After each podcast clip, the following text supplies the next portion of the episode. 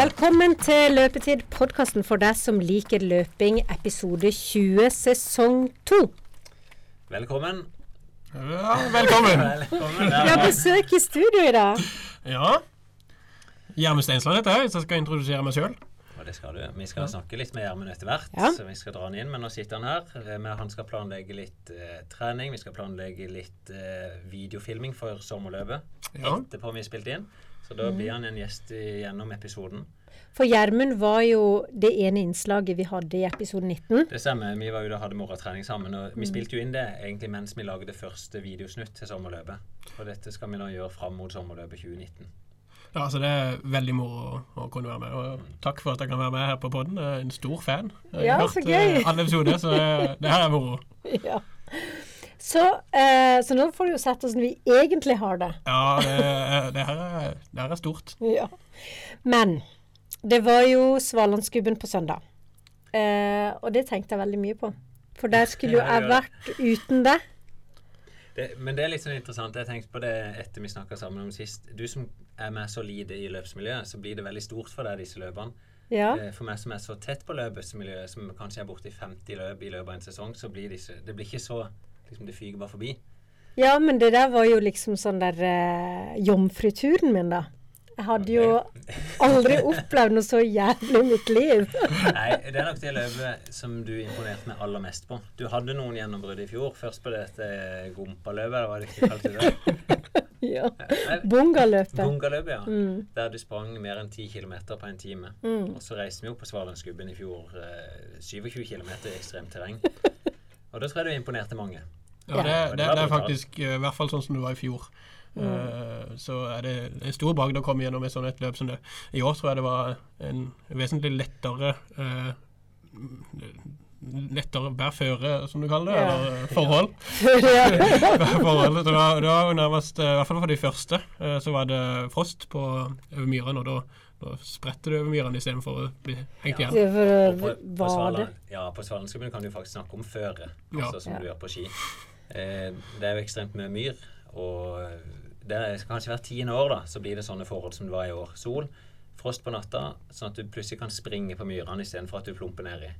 Ja. Det ene er at du sparer enormt med tid, bare på når du forserer det, så sparer du samtidig masse krefter. Mm. Så folk sprang fort, og jeg så du hadde skrevet på rekord, jeg skrev rekordforhold i hvert fall. Mm. Eh, Erik Ude Pedersen sprang på 1,44, og det er noe av det, som er, det kjappeste som er løpt. Ja. Jeg tror faktisk det er bare Erik Ramstad som har løpt fortere. Ja, Du har oppnådd tredje beste tid. Ja, men jeg tror det er Erik Ramstad ja, som er begge, riktig. på 1,43 og 1,42. Ja, sjøl så persa jeg med 25 minutter. Ja, Og det det, er, det, er, det er ganske mye Uh, til å være Ja, så det var, det var, nei, det var mye bra løping. Vi kan godt gå inn og hilse litt på Gjermund, sånn, for eh, det, er en gru altså, det ene er jo føre, men la oss si at føre nå kanskje hadde fem-seks minutter å si på sluttida. Uh, den jobben som han har gjort, er jo helt spesiell. Eh, og han satser jo nå på ski. Kan ikke du fortelle litt om den satsinga som du gjør, Gjermund? Ja, det kan jeg. Eh, jeg har alltid drevet med ski og gått på skigymnas og vært aktiv i, i skimiljøet. Og så har jeg studert eh, til ingeniør, og så har jeg jobba litt i etterkant av det. Og så i vinter så, så bestemte jeg at nå, eh, nå er jeg 25 år, eh, nå vil jeg gi Jeg har alltid hatt en drøm om å vinne Vasaloppet. Nå vil jeg gjøre drømmen om til et mål. Og det, jeg kan si, det var litt sånn tilfeldig hvordan vi havna ut på der òg. Ja. Jeg kan supplere litt for eh, noen få dager før vi skulle reise til, på et skirenn i vinter til Italia. Så kjøpte jeg nye ski av Gjermund. Han jobba på en skibutikk oppe på Evje. Mm. Eh, og da var han så vennlig at han, han sa kan ikke vi møtes på midten, så kan du teste litt ulike modeller. Dette var to dager før jeg skulle reise ned til Italia. Så var vi og testa i pøs regnvær. Det? Var ikke noe spesielt Også, eh, gøy tur. Det siste jeg sa før jeg skulle hive skia i bilen, at du vil ikke være med ned, da? Jo jo, sier han. Det kunne jeg godt. Som smører. Ja, så da ble jeg med ned Så der. heiv han seg med ned. Der møtte han noen av folka i nettverket. Dette var en jobbtur. Og noen av de som begynte å utfordre Gjermund på hvorfor ikke han satsa mer og, og tok ut potensialet. Det var vel litt der det starta. Litt der det starta, så på en måte etter hvert så begynte det å falle ting på plass der at eh, kunne få nok støtte til at eh, vi kunne i hvert fall gi det en sjanse. Uh, og når jeg først jeg, jeg kom inn på tanken, så klarte jeg absolutt ikke å, å, å slå det fra meg. Så da sa jeg opp jobben, og slutta jobben i mai. Og etter det så har jeg egentlig bare gradvis trent med sterkere uh, og skal da uh, vinne Vasaloppet Har mål om å vinne Vasaloppet i 2022. Som er noen, år- det er noen år fram i tid, som du snakker Ja. om. at det, det, det, det, det er jo et langsiktig mål, men eh, jeg har jo flere delmål på veien eh, før den tid. Men eh, jeg må nå, nå er vi i starten her, og jeg har fått en god progresjon siden mai eh, på du- formen. Ja, du hadde jo et sånn veldig sånn kjapt spørsmål til han om eh, hva gjør du hvis du klarer målet før? Eh, Hvorfor ikke vinner du ikke bare til vinteren, Gjermund? Eh, det er vel realisten i meg som kanskje snakker litt. Eh, jeg har jo gått Vasaloppet i eh, altså syv år på rad, så jeg vet, jeg vet jo nivået. Hvilket Eh, nivå er du på der? Hvilken plassering havner du stort sett på? Nå i vinter så ble jeg nummer 102, Ja. og da, da, kanskje, da jeg måte da bestemte jeg meg nå, Da hadde jeg 300 treningstimer, som du finner. Skjønner at det, det er ikke mye, og i hvert fall ikke det gamet der. Det er under en time om dagen. Ja, det er 50-55 minutter om dagen. mange av de løperne jeg gikk sammen med, da har mer tid enn det. Ja. Uh, og så skjønner jeg på en måte da har jeg, jeg har en viss greie på trening, så hvis jeg bare øker det til eh, litt over det dobbelte, eh, så bør jeg bli mye bedre neste år. Men å vinne allerede til vinteren så jeg ikke på som realistisk. Men jeg har jo et mål om å være topp 20 til vinteren. Ja. Og om du er topp 20 eller vinner, det er ikke, det er ikke veldig stor forskjell.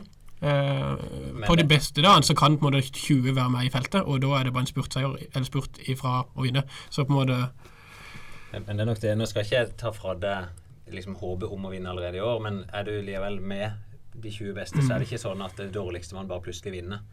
Nei, eh, det det, de, de beste av de er de samme som vinner år etter år. ja, det, det, det er rart med det, men eh, eh, ja, jeg, har, jeg mener det Jeg mener at jeg har mulighet til å vinne i 2022.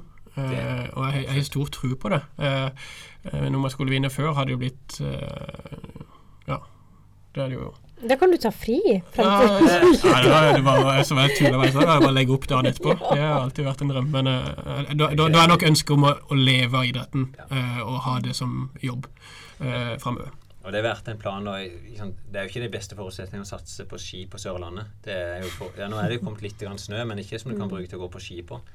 Eh, men målet første sesongen er jo for Gjermund å bli så god at han kan komme inn på et skilag, inn på et profflag, og så bli med det profflaget videre på satsinga. Ja. Ja, for det, det, er, det er litt sånn i den langløpscupen som heter Ski Classics, så, så er det sånn at det er team på, på tvers av land, da. Ikke, ikke landslag mot landslag, men team mot team. Så det er f.eks. Aukland har et lag der som er Anders Aukland, som er, som er på en måte kanskje det største målet å komme inn på etter sesongen. Eh, og, og du har sånne noen lag som det som gjør satsinga mulig. Uh, så det er på en måte min plan i løpet av vinteren. At, og vise at her er det en fra Sørlandet som har lyst til å gi drømmen en sjanse. Uh, og kunne komme inn på et lag. på Og da må det trenes. Da må det trenes. Og det er jo det som vi begynte med der, at eh, når en springer og perser med 25 minutter på Svalandsgubben, så er det en grunn til det. Og det er jo fordi at han har lagt ned ei solid mengde med trening nå, fra mai og fram til nå. Ja, og så har det, det vært mye variert trening. For når en øker eh, treninga såpass mye som har gjort, og det er det mange andre som òg gjør, sånn i prosentvis er det mange som, som plutselig vil begynne å trene. Og da, da, er det- da sånn som de kunne snakke om i podde før, er det fortere å få skade, belastningsskade. Så jeg begynte begynt i mai, da når jeg trente, så var det veldig veldig variert. Eh, mye løping, mye sykling, styrketrening og rulleski. Så det bare snevra inn til å bli mer og mer rulleski. Så nå på høsten og etter hvert til vinteren så blir det nesten bare rulleski eh, som jeg trener. da. Ja. Men derfor har jeg jo kanskje blitt mye bedre løper eh, pga. den varierte treninga. da. Og så kan du si, Det ene er jo et skogsløp. Det er, du gjør det bedre, fortrinnsvis bedre der enn Ja. du ville gjort på et flatt løp. Samtidig så Du hadde jo en ordentlig duell med Joakim, som folk er blitt kjent med i podkasten. Som øh, Han er i kalasform. eh, Faktisk etter for Han mislykkes jo, da, på den ti kilometeren. Vi har ikke fått han i studio Nei. på det. Men det endte med at han ville at jeg skulle teste han i, i garasjen. Og der fikk han bekrefta at formen hans er kjempegod. Han ligger Ja. på anarob terskel på 18 km i timen. Ja. Eh, og når han kom ned fra skauen, da, da er det 7 km igjen på Sva- Svalandsgubben. Da var han 20 meter bak Gjermund, Mm. eh, og i mål var han vel noe av det samme. Ja, han var litt lenger i mål, men da, vi hadde, vi hadde en seks-syv kilometer der det var samme, samme distanse bak. Altså det var 20 meter Ja. fra meg til han. Og da, det var ganske kraftig motvind, så jeg hørte at det var på en måte det som var litt av grunnen til at ikke det ble rekord. Ja, eh, var at det var motvind i starten, nei, på slutten. eh, og der hadde det hjulpet å være to, kanskje delt litt på, på sånn sånn syklister. Men, eh, Men det var en ordentlig mental kamp å ha han så nærme bak. Men så når det var en tre kilometer igjen, så tror jeg jeg fikk en, go en god luke, da, så det ble 30 sekunder eller noe sånt. Ja, det ble såpass. Ja. Og da hadde jo faktisk de to ant best og tredje beste tid de siste syv kilometerne inn til mål. Ja, så, det, hjalp godt å ha den fighten. Så det blir veldig spennende å følge deg nå inn i vinteren, Gjermund. Ja, Og hvis det er folk som sitter på et skilag, så må de jo bare tipse om Gjermund og, og kikke etter han til vinteren. Så det, det er liksom sponsorbasert da du skal klare deg i så mange år? ja eh, nå i det første året så er det jo må det kun meg sjøl jeg på en måte er ute etter spons få sponsor og eh, samarbeidspartnere da, for å få kunne gå de her rennene og være med på de samlingene som jeg ønsker nå før vinteren. Så jeg har- noen samarbeidspartnere allerede, men jeg trenger litt flere for, for det. Så det er òg fin i fundament med å prøve å søke etter eh, noen sponsorer. Men etter det, så hvis jeg da kommer inn på et av de gode lagene, så er det der er det på en måte ikke min oppgave lenger. Så virkelig, det, det å trene det er jo kjempegøy, men akkurat det der eh, å, å jage etter og altså, kalle det tigge etter penger, det, er det, det er kanskje noe av det verste jeg vet. Så den jobben kunne kanskje vært bedre, eh, gjort bedre hvis det var en som var enda mer frempå ut mot bedrifter sånn. Så Men er det, sånn, sånn, det å satse det, det er jo ikke sponsinga du begynner med, det er jo treninga. Så Ja. Mm. det er jo det viktigste for Gjermund. Og så samtidig så skal han jo spise mat, og han skal han skal jo ha en plass å bo. Mm. Og så skal han Han må reise noen plass, han må ha noe utstyr. Så da prøver vi å hjelpe han med det. Så vi er noen private som betaler litt grann til han. Vi har nå fått du vel utstyrsleverandør fra Scantrade som har gått inn med litt. Grann. mm, Eh, Du snakker om at vi har fått inn bilavtale nå i dag. ja, jeg har vært med Gompens i Gompens Auto her nede på Sørlandet, Mm, som da er- hjelper med bil. noen Også på- sånne ting som er veldig veldig takknemlig for at det kommer. og sånn, det, skal ikke komme av seg selv med de resultatene jeg har fra før av. Så som du sier, så det må Så trenes de- før jeg blir Ja, og de, disse går jo inn fordi de tror på det, fordi du er en likandes kar. Også på sommerløpet så har vi gått inn i en avtale med han at vi, vi sponser litt mot at han gir litt tilbake til oss. Så de som følger sommerløpet, vil se at trynet til Gjermund dukker opp i tide ut side. Dessverre. Det blir gøy. Ja. Ja. Så det er det. Men da er jeg litt mer kjent med Gjermund. Du blir siden av sitt, Gjermund, så kan Yes. vi du dra deg inn når det er litt gøy å snakke med deg. Mm. Så, Finn. Har du pakka? Det var bare tull. Nei, du pakker jo timen før du drar, men du skal til New York. Jeg skal, eh, definitivt så skal jeg til New York. Det er avreise om ett og et halvt døgn. Mm. Det eneste jeg har fått kontroll på, da jeg begynte å lure på passet mitt, at jeg hadde kontroll på det. Så det leide jeg etter. Og så kredittkortet mitt leide jeg etter fortsatt. Men så har jeg jo kontroll på Jeg vet jo hvilket, hvilke ting jeg skal springe i, og jeg vet, eh, jeg vet det jeg trenger å ha med meg til, på tur. Ja, så hvis noen har sett kredittkortet til Finn Jeg spurte opp hvor jeg hadde brukt det sist, i hvert fall, og det var når jeg fylte ut ESTA-søknad til, til USA. Ja. Og, og det var hjemme på kjøkkenbenken, så det ligger nok eh, en eller annen plass i huset. Så det blir turen hjem i kveld. ja, du fikk ikke låne mitt. Jeg tror ikke det hjelper så sort. Nei, så pakker jeg nok eh, i morgen. Eh, I morgen kveld, før, og så reiser jeg fredag morgen. Så det, jeg gleder meg jo veldig. Det gjør jeg. Eh, det et lite sånn skår i glede. Jeg er jo, formen er liksom gradvis gått veldig bra og fortrent godt. Og så er jeg blitt litt syk nå på tampen, og det gjør meg litt usikker. og ja. ja, litt mer nedstemt enn jeg hadde trengt å være. Eh, så jeg allerede fra lørdag skulle egentlig vært siste økt med litt god fart i. Den drøyde til søndag, men det var fortsatt eh, rusken, så jeg sto over trening søndag-mandag. Eh, Og så prøvde jeg å jogge litt i går og ble helt slått ut på kvelden.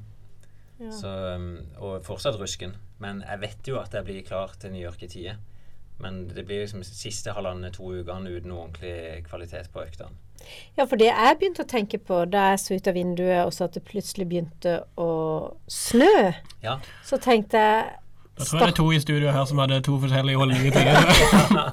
Jeg, var- jeg, jeg, jeg, jeg, må bare si det. Jeg, var, på ski i går eh, i pøs regnvær. Eh, storm, ganske mye vind. Så Ja. gikk jeg på ski 11 km fram og tilbake på en slette på 600 meter og du syns det var gøy? i starten, men eh, det var litt kaldt. Jeg, jeg, gleder, jeg, gleder, jeg gleder meg til det blir tørrere. er du sikker på at det var snø? Det var ikke bare sånn gressplen du gikk på? Nei, jeg har fotobevis på det faktisk, at det var snø. Ja, det er bra. Nei, akkurat snø det er jo ikke noe hyggelig for oss løpere når snøen laver ned. Og I hvert fall ikke på Sørlandet når du vet at den skal forsvinne gjennom to dager. Så det må være sånn Nei. forhold. Det som jeg gjør sjøl, det er å bare trekke inn på ei tredemølle Ja. akkurat når jeg forbereder sånn. Og det, eh, fellesøktene denne uka, når de meldt snø, da har vi bare latt det bli vanlige lette løpeturer. Mm. Så da satte vi opp mandag-torsdag en time løpetur, og hvis det mot formodning da skulle det bli plutselig fine forhold, så legger vi bare intervall istedenfor. Mm. For det jeg tenker på med løping, at eh, for det om Jeg har jo sett deg løpe, og du lar deg jo ikke prege så mye av underlaget. Så akkurat overgangene Ja, er må jo være litt skumle. Ja, det, det vil si når det begynner å bli glatt. Eh, og hvis du springer fort, så vil du ofte få eh, litt vondt i hofte. Noen får vondt i knær og akilles. Så Det, det ser vel ut som de svake punktene blir mer utsatt. Jeg tror det er fordi en springer og anspenner seg. Ja, og jeg, og jeg kjenner jo litt eh, løp på mandag. Det var jo tross alt dagen etterpå eh, etter Svalandsgubben, så jeg var jo støl og stiv og sånn, og hadde vondt en betennelse i hofta som er, er vond. Men allikevel så kjenner jeg på når det er kaldt, at jeg stivner til litt, eller blir kaldere i knærne, og kanskje får litt mer vondt av det er kjølig. Ja, det er vanlig, altså. Og, eh, nå er du veldig tynn òg, eh, Ja. og det er utfordrende. Så akkurat i overgangen er det verst. Eh, og jeg anbefaler folk bare å kle seg. Det funker Mm. godt. Eh, faktisk er at utøvere hvis de får sånn smerte i knærne, at de bare tar en sokk, en Mm, ullsokk, mm. Som du Klipper tåa på, sånn. og så trer du den over, Mm. over kneet, så fester du den bare med ei sikkerhetsnål oppe på låret Mm. i buksa. da. Mm. Men vinteren, den kommer, den, altså. Eh, Jeg tipper du har fancy utstyr, altså tøy, som, som det kalles for en knevarmer, hvis du, hvis du vil ha dyrevarianten. ja, det fins, men det, det hjelper ikke. Men, men jeg tror ikke en skal bruke eh, vinteren som en unnskyldning for ikke å få løpt. For vi springer jo hele vinteren. Men det er liksom akkurat i overgangen skal passe litt en ekstra på. Ja, når du, skal, når du har et stort løp foran deg også. Ja, Så, eh, Også det å bruke eh, løpemølla inne det eh, til det den er verdt, når det er, det, når, når, i hvert fall når været er på det verste, at det er ordentlig storm og regn og snø i, på veien, så vær inne og Ja. Og det er litt sånn vi legger det opp på fellesøktene hos oss òg, at eh, vi har alltid fellesøkt. Men da sier jeg til de beste utøverne at i dag trener du inne, og så møter heller de vanlige mosjonistene til fellesøktene. Nei, men det blir jo veldig gøy uansett. Jeg er jo veldig spent på den eh, New York-turen din. Ja, Og rød løper og Jeg må jo leve litt gjennom dine løp. ja. Eh, nå har vi fått det skrivet, fått det A4-side fra arrangøren. Så til sammen da, med menn og damer så er det 100. Og jeg, vet, jeg tror fordelinga er 50-50 ca. 50 menn, 50 damer som har fått plass. Og vi skal møte halv seks på morgenen. Eh, bli egentlig sjekka inn. Det er fire busser som kjører da, med elitløpere, menn og damer osv. Vi sjekkes inn, sikkerhetskontrolleres, og så stender det at vi bare blir kjørt direkte ut eh, med eh, pol- politieskorte da, hele veien ut til start. Der vi har et oppvarma telt som er tre kilometer fra start. Og Der kan vi varme opp og, og styre på som vi vil. Og så blir vi kjørt inn og plassert foran disse 51 000 startende. Det, det, det er jo faktisk I Vasaloppet så er det noe av det samme. Ja, Um, det faktisk. der, der er det jo sånn hvis du på en måte er altså sub-elite, som du kaller det, ordentlig god, men ikke kommer i eliten, altså du kommer i pulje 1, den fremste pulja, utenom de som på en måte er i eliten, så må du stå der inne fra klokka halv seks på morgenen. Stå der og fryse og Ja. holde på plassen din uh, i mange mange timer. Mens hvis du er i eliten, så kommer du der et kvarter før. Bom, rett inn. Start. Så det er klart, det, det er en fordel. Og så er spørsmålet om det spiller inn på sluttida. Det er litt vanskelig å si, men det spiller inn litt. Det gjør det. Ja. Og så er det litt av det mentale, at du på en måte du har det beste opplegget. Uh, Ja da, det blir gøy. Så, men det jeg kommer til å gjøre, jeg prøver å, å spille inn litt underveis. Mm. Jeg skal ta lytteren med i hvert fall inn, i, inn til New York. Jeg skal ta dere med på nytt da, gjennom dette ja, Expoen, som det kalles. Kanskje få snakke med noen dagen i forveien. Eh, det er jo et eh, fem kilometer løp dagen før. Eh, inn og kikke på det. Og så selve løpet. Da kan jeg i hvert fall dra folk med inn til start, også når jeg kommer i mål. Jeg kommer ikke til å springe med mobilen sånn som jeg gjorde i London.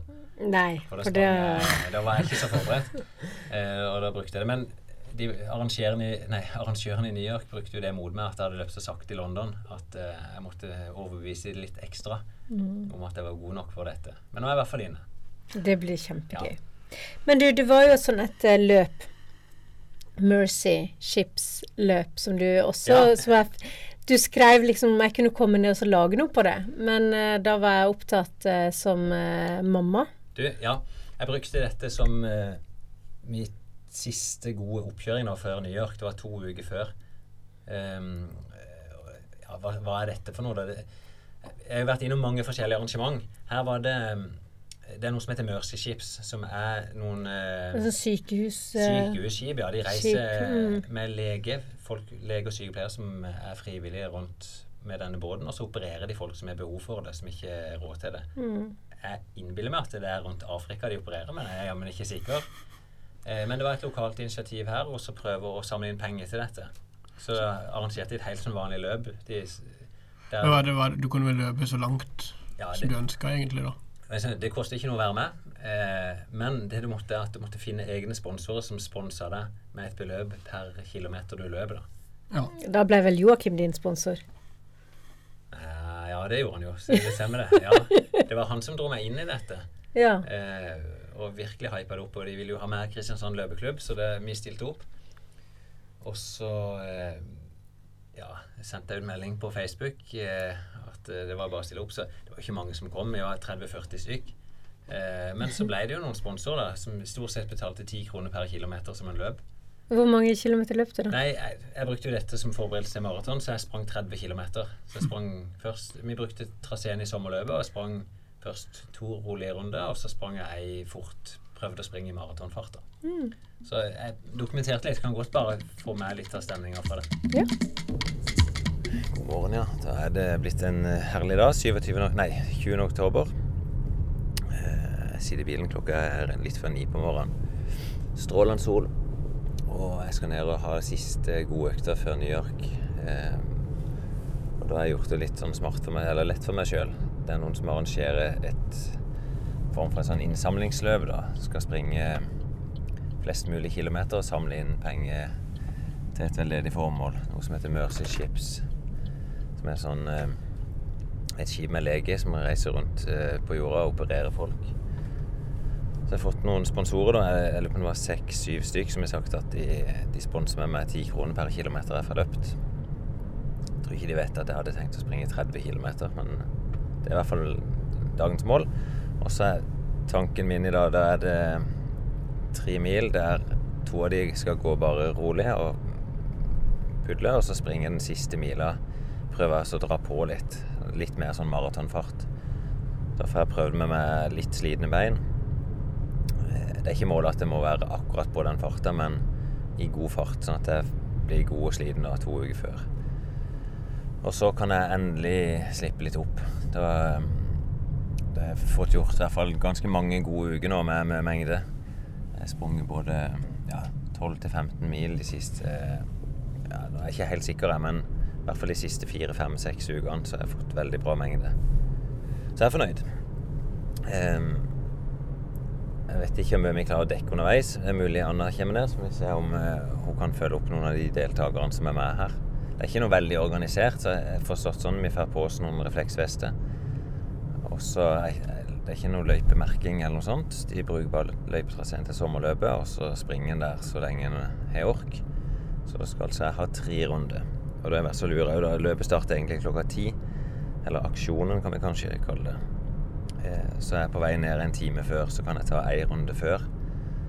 Det er bare fordi at de jentene her, de ligger og sover nå, så kan jeg rekke en kanskje en sen frokost eller tidlig lunsj sammen med de. Og så er jeg ferdig med dette for da. Se der. Oh, det var ei fin økt. Nå kom jeg akkurat inn etter den tredje og siste ti kilometeren på løpet. Oi. Så sprang jeg først en alene. Jeg sprang fra ni til ti. Eller ca. 50 minutter på den. Og så møtte jeg resten, som du ikke hørte her i stad. Sprang en rolig tier til på jeg vet ikke, 49 minutter. Og så skifta jeg litt høy, og så sprang jeg en 10 km der jeg prøvde å finne maratonflyd. Og så gjorde jeg som prinsipp at jeg skulle ikke se på klokka underveis. Så jeg starta den, og så så han bare når jeg kom i mål. Så kom jeg inn på 36,15 tror jeg cirka, og da var jeg veldig glad. Det er sånn absurd når jeg er så sliten etter mye løping de siste ukene. Og jeg vet ikke 20 km veien før, så er det vanskelig å vite hvordan fart det er. Så det blir en sånn frykt for at det går for sakte. Så det jeg håpte var å springe på rundt 37-30. Det er en ganske sånn svingete og lett kupert trasé med et par, et par gode bakker underveis òg. Men da var jeg godt foran, så det var godt. Jeg kjenner jo på slutten da at det, det begynner å bli stakkato, og jeg er jo sliten. Men det er ikke sånn det, det er ikke all out, men det er hardt. Eh, men to uker til New York, så er jeg veldig fornøyd. Men det, det, du er jo godt Du er jo i god form da, i hvert fall, før New York. Absolutt. Eh, er det. Men det er noe Det er tøft mentalt når du plutselig blir syk og, og mister de siste forberedelsene. Og jeg kom rett ifra et møte på jobb nå der jeg bare skulle og spiste bolle, og plutselig føler jeg meg sånn halvfeit fordi at du er ikke i normal trening. Så vet jeg logisk sett at jeg er ikke det. Nei, du er ikke det. Eh, men, men jeg fikk i hvert fall bekrefta på det løpet at jeg er klar. Ja, du mister jo ikke formen så fort. Du, har jo kjempe, du er i kjempegod form. Jeg tror det kommer til å gå bra i New York. Tusen takk, Anna. Det er godt å ha en sånn ekspert som forteller status. Ja, og den uh, sixpensen du har på deg nå, den er vel uh, aldri sittet på et smalere hode enn uh, Han er god og romslig. Ja, Er det ikke? Kan du fortelle litt? uh, Hvem er det du har fått den uh, fine capsen av? det er en sixpence. Dette er min favoritt, da, som jeg har fått av tidligere NRK-sjef Jonny Benander. Oh, ja. Så skal ikke det hele historien hvordan jeg fikk den, men det var en sen nattetime i hvert fall. Men jeg, han har gitt den vekk, og jeg er veldig stolt av den. Ja. Sier det som et skudd på hodet. Ja, i hvert fall uh, noen måneder etter uh, maraton, tenker jeg. Jeg trenger kanskje litt mer hår for å fylle den Ja. ut. Men det kommer. Ja. Men du, vi har fått inn eh, noen eh, leserspørsmål denne gangen. Og Er vi lesere òg da, på løpet?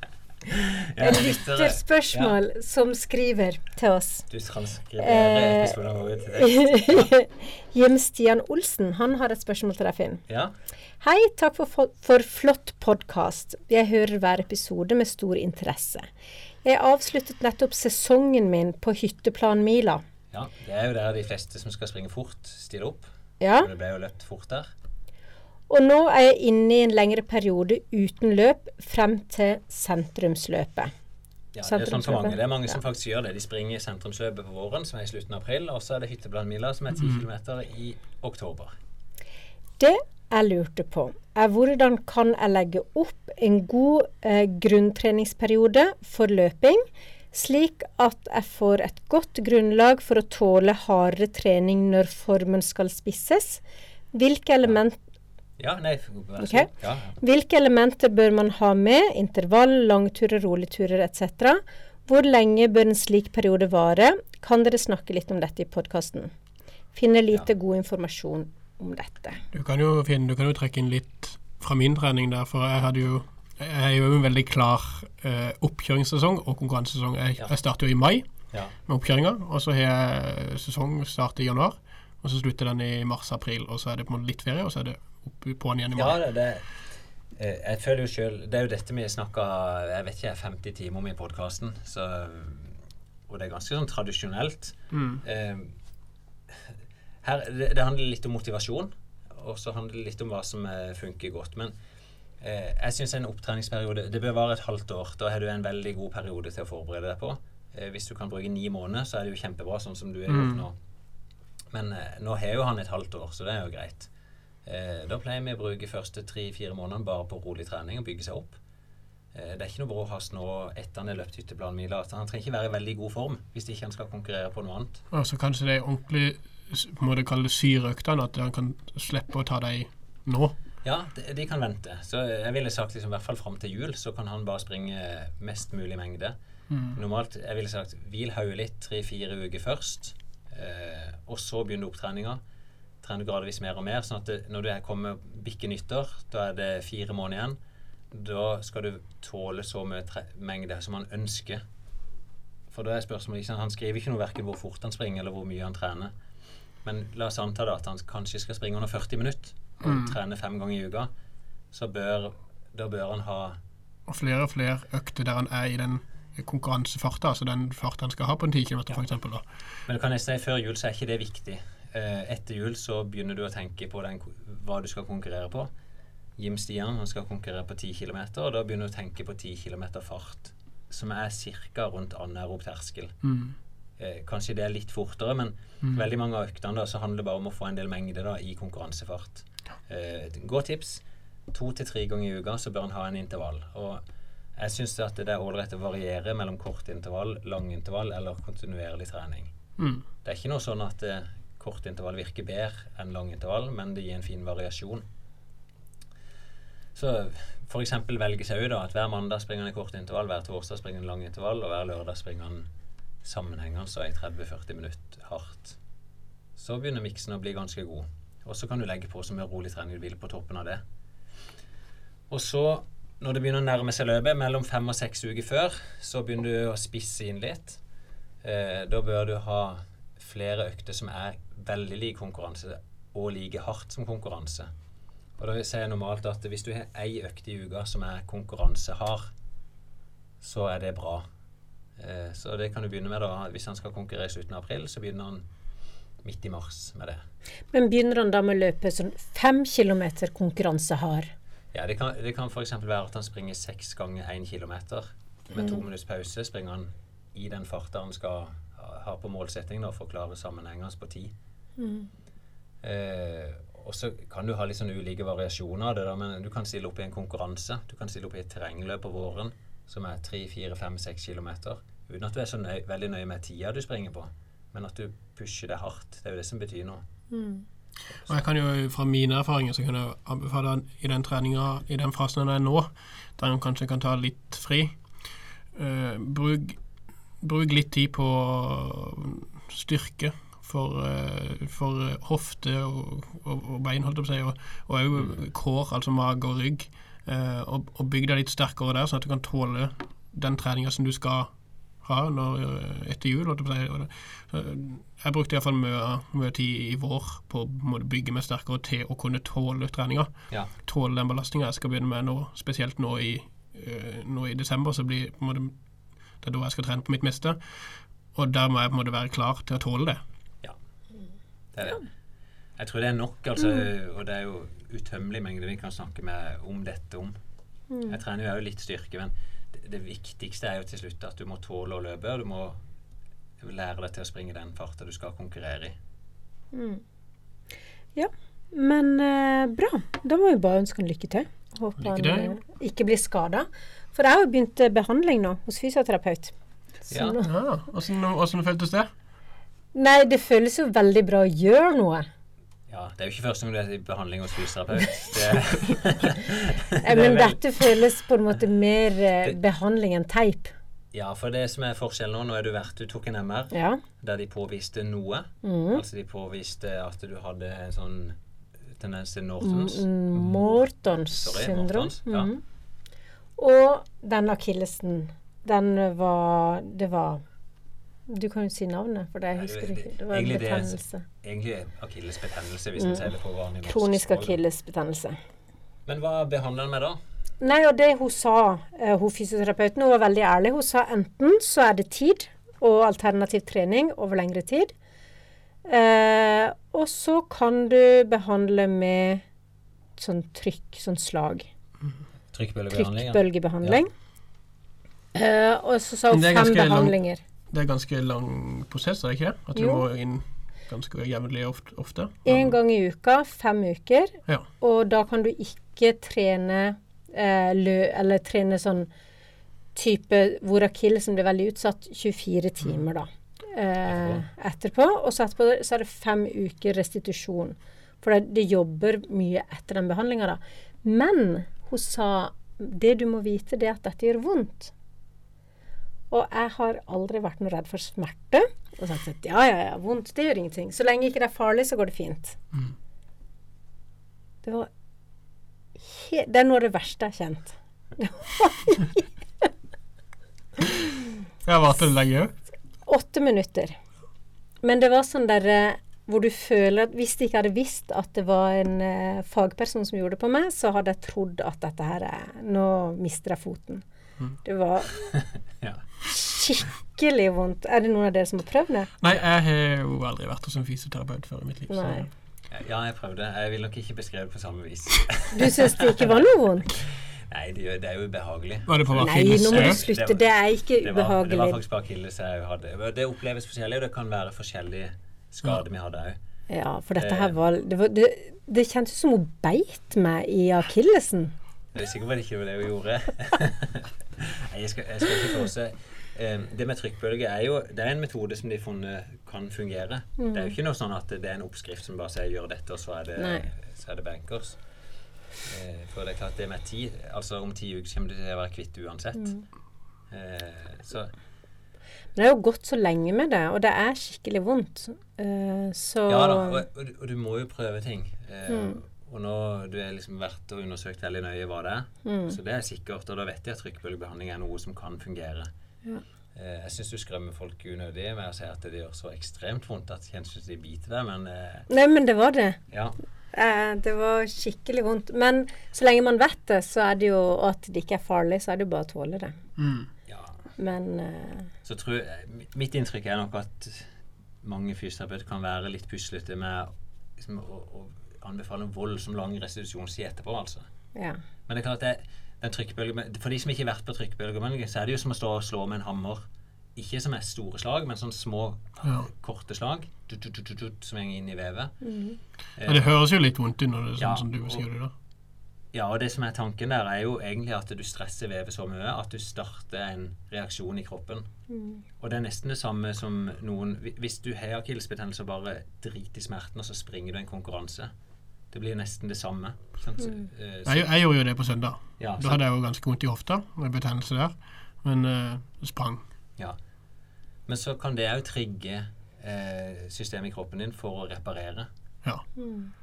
Det er det jeg håper. Det er det du håper men det er klart det er en risk. Det, det er det som er vanskelig med skade og, som løper. At du, du vil jo alltid håpe at dette vil gi seg, og så kan du ignorere og ignorere den skaden.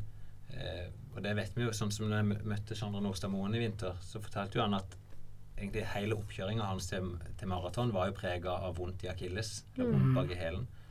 Eh, men han sto gjennom det og satte europarekord. Mm. Men så medfører etterpå igjen kanskje andre typer skade. Men nå er det i hvert fall det som er der. Det er veldig vondt mens det pågår, men det er ingenting vondt etterpå. Nei. Det, det det blir sånn daudslått, ja. egentlig. Så det er jo veldig bra. Men kan du være i aktivitet nå? Sånn lett aktivitet? Ja, sånn der eh, ellipse, Ellipse, ja. og roing og svømming, jogging Langrenn tipper jeg er veldig bra når snøen kommer. Helt til du har sett meg på langrenn. Så tenker du at eh, ja, kanskje, kanskje ikke du skal gå langrenn. Nei, men i hvert fall jeg er litt sånn redd for å si at det er en metode som funker Mm. på alt. Eh, vi, kan, vi må følge hvordan dette funker, Anna. Jeg skal jo ta opp, tenkte jeg, lyd når jeg går til sånn behandling, men jeg må bare Hvis ikke du vil jeg skal skremme noen, så må jeg bare vente til jeg blir litt vant til det. De er allerede skremt vekk. Det er ikke- Eh, men helt til slutt. Ja, Vi har jo en oppfordring til alle. Og det, ja. eh, vi hadde jo en episode hvor vi hadde besøk av Kalle i studio. Som Nettopp, jeg, ja. jeg visste jo ikke hvem Kalle var. Kalle Glomsaker, ja. Men nå eh, går det an å stemme på han for å bli årets ildsjel. Ja, det er jo her på Sørlandet så har de De har en galla, idrettsgalla, for Mm. Agder.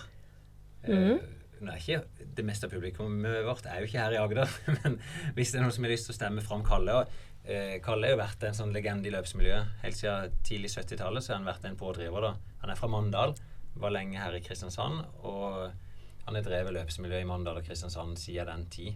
Eh, To-tre økter i uka, så han stått langs Bankeveien i Mandal og hatt sine faste intervaller, og så arrangerer han tre-fire løp gjennom året, pluss noe vinterkarusell. Så alle løpere her på Sørlandet i hvert fall et forhold til Kalle Glomsaker. Jeg er blitt veldig fan av den eh, Det jo årlig, årlig eh, der det kommer nye ildsjeler som kan velge seg ikke? Til den prisen. Jeg er veldig fan av det. Eh, Altså, jeg hadde jo aldri vært i min posisjon altså der jeg står og, og satser på ski, hvis ikke det hadde vært for ildsjeler. Eh, I mitt lokalmiljø, f.eks. Uh, og det at de kan få, få sin få, sin uh, Ja, anerkjennelse. Anerkjennelse der. Jeg syns det er kjempefint. Eh, Oppfordringa var vel egentlig at folk kan stemme på han. Og Det er mulig å stemme på SMS. Så hvis noen av dere som hører på, har lyst til å stemme på han Ikke sitter sannsynligvis å hører på mobil nå, så kan dere finne fram den. Mm. Og så, Da skal du sende en SMS da til 03811. Det er altså Fedrelandsvennen sitt telefonnummer, SMS-nummer. 03811. Og så for å stemme på han, så er det kodeord 'ildsjel', mellomrom E. Altså han er kandidat E. Så forteller ikke vi hvem de andre er. De er bare to i finalen av. Det er Kalle og en ikke-løper. Det er vel en skiskytter. Ja, han er jo jeg, Bjørnar Ellingsberg han er jo jeg veldig stor fan av. For han, han er fått til et bra eller De bygger nå på Sandrip et uh, ordentlig bra skianlegg. Og Ja, skiskytteranlegg. Så jeg er, jo, jeg er jo godt kjent med han. Åssen bokstav er det han er? Nei, det kan jeg ikke huske. Men eh, det må vel være en side av det. Ja da, det må de informere om. Jeg tror konkurransen avsluttes fredag 2. november klokka ni. Så da skal du høre dette før det. Ja. Så Men da ønsker vi i hvert fall eh. Kalle lykke til, da. takk til, takk til Kalle for alle han har stått på for opp gjennom alle Ja. disse åra. Absolutt. Han arrangerte jo sitt 39. Mandal Maraton nå i år. Og så neste år, som er det jubileum, så har han sagt at det blir det siste. Ja, jeg leste jo om han da, og hvor det sto at eh, noe av det han gjør, det er å aktivere folk som kommer nye til Norge, Ja. for å ha de med i løpsklubben. Og hvis de ikke har penger til utstyr og den slags ting, så skaffer han de jobb med å hogge ved. Sånn Det er at. I eh, hvert fall ikke når du har en egen gård oppe på Konsmo. Så kan det jo være greit å få folk til å hjelpe å hogge ved. Så jeg syns det var Det var en, fin måte å få folk eh, Ja, ja, er integrert og Du, inn i miljøet. Han har hatt med seg masse folk, og han, eh, hvis ikke han kan reise sjøl, så ringer han til oss som arrangør og spør om kan de få gratis deltakelse, kan du ta hånd om dem når de kommer til byen. Eh, og det funker veldig fint. Mm. På den måten så hjelper han folk. Ja. Det er bra. Så, men eh, da skal du ut og trene, regner jeg med, Ja, snart? må det. Ja, og Finn skal lete etter kredittkortet sitt.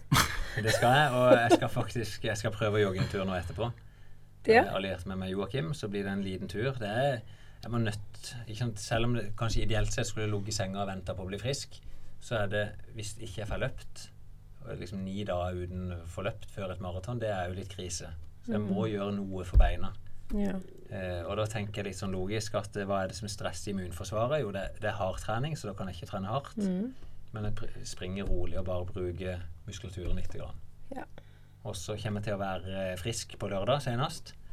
Og så skal jeg springe fantastisk bra maraton på søndag. Det gleder jeg meg til. Ja. Uansett så skal jeg smile og være fornøyd. og det må jeg si, jeg, jeg brukte jo det i, eh, på et tips jeg har fått fra både deg og Joakim eh, på Svaneskuben. Der er det jo veldig mange folk som møter opp og heier. Ja. Og det er jo kjempegøy for eh, I hvert fall for min del, som, som altså Svaneskuben er utelukkende en god treningsøkt før vinteren. Så da bruker jeg det tipset jeg fra deg, og, og vinke og takke på publikum, og, og fyre opp deg litt, Ja. og, og sånn. Det gir veldig mye tilbake til meg, altså energi i forhold til energi. Og jeg tror jeg kanskje fikk, pga. på grunn av det, at nå er det Joakim rett bak meg, og han så og lett eh, jeg jubla opp det. Der så tror jeg han ble syka ut, og at ja. var derfor jeg knakk han. Jeg skal spørre han om det etterpå, men Ja. det funker. Eh, Godt tips. Ja. Det er mye gøyere å springe når folk heier tilbake. Mm. Og så skal det være sagt at du springer jo nesten forbi huset til Gjermund. ja, Svalbard. Gå hjem og hvile litt. Så han hadde nok eh, Ja, på eh, si, side. Mm. Og så, Finn, når du blir veldig, veldig sliten, så må du bare huske å smile. Det pleier jeg å være ganske god til. Men jeg kan, må nok innrømme sjøl, jeg har løpt dette løpet mange ganger og løpt mange maraton, at det kommer etter hvert en tunnel på slutten av et maraton der eh, publikum blir bare støy. Eh, og det eneste du ser, det er liksom akkurat kanalen som du skal springe i rett fram. Ja. Eh, så, og da er det vanskelig å smile. Men jeg prøver av og til å gjøre det, og det funker. Men det er ikke mange ganger i året du er der, så det må være eh, Jeg gleder meg til det. ikke. Så bra. Lykke til. Thank you!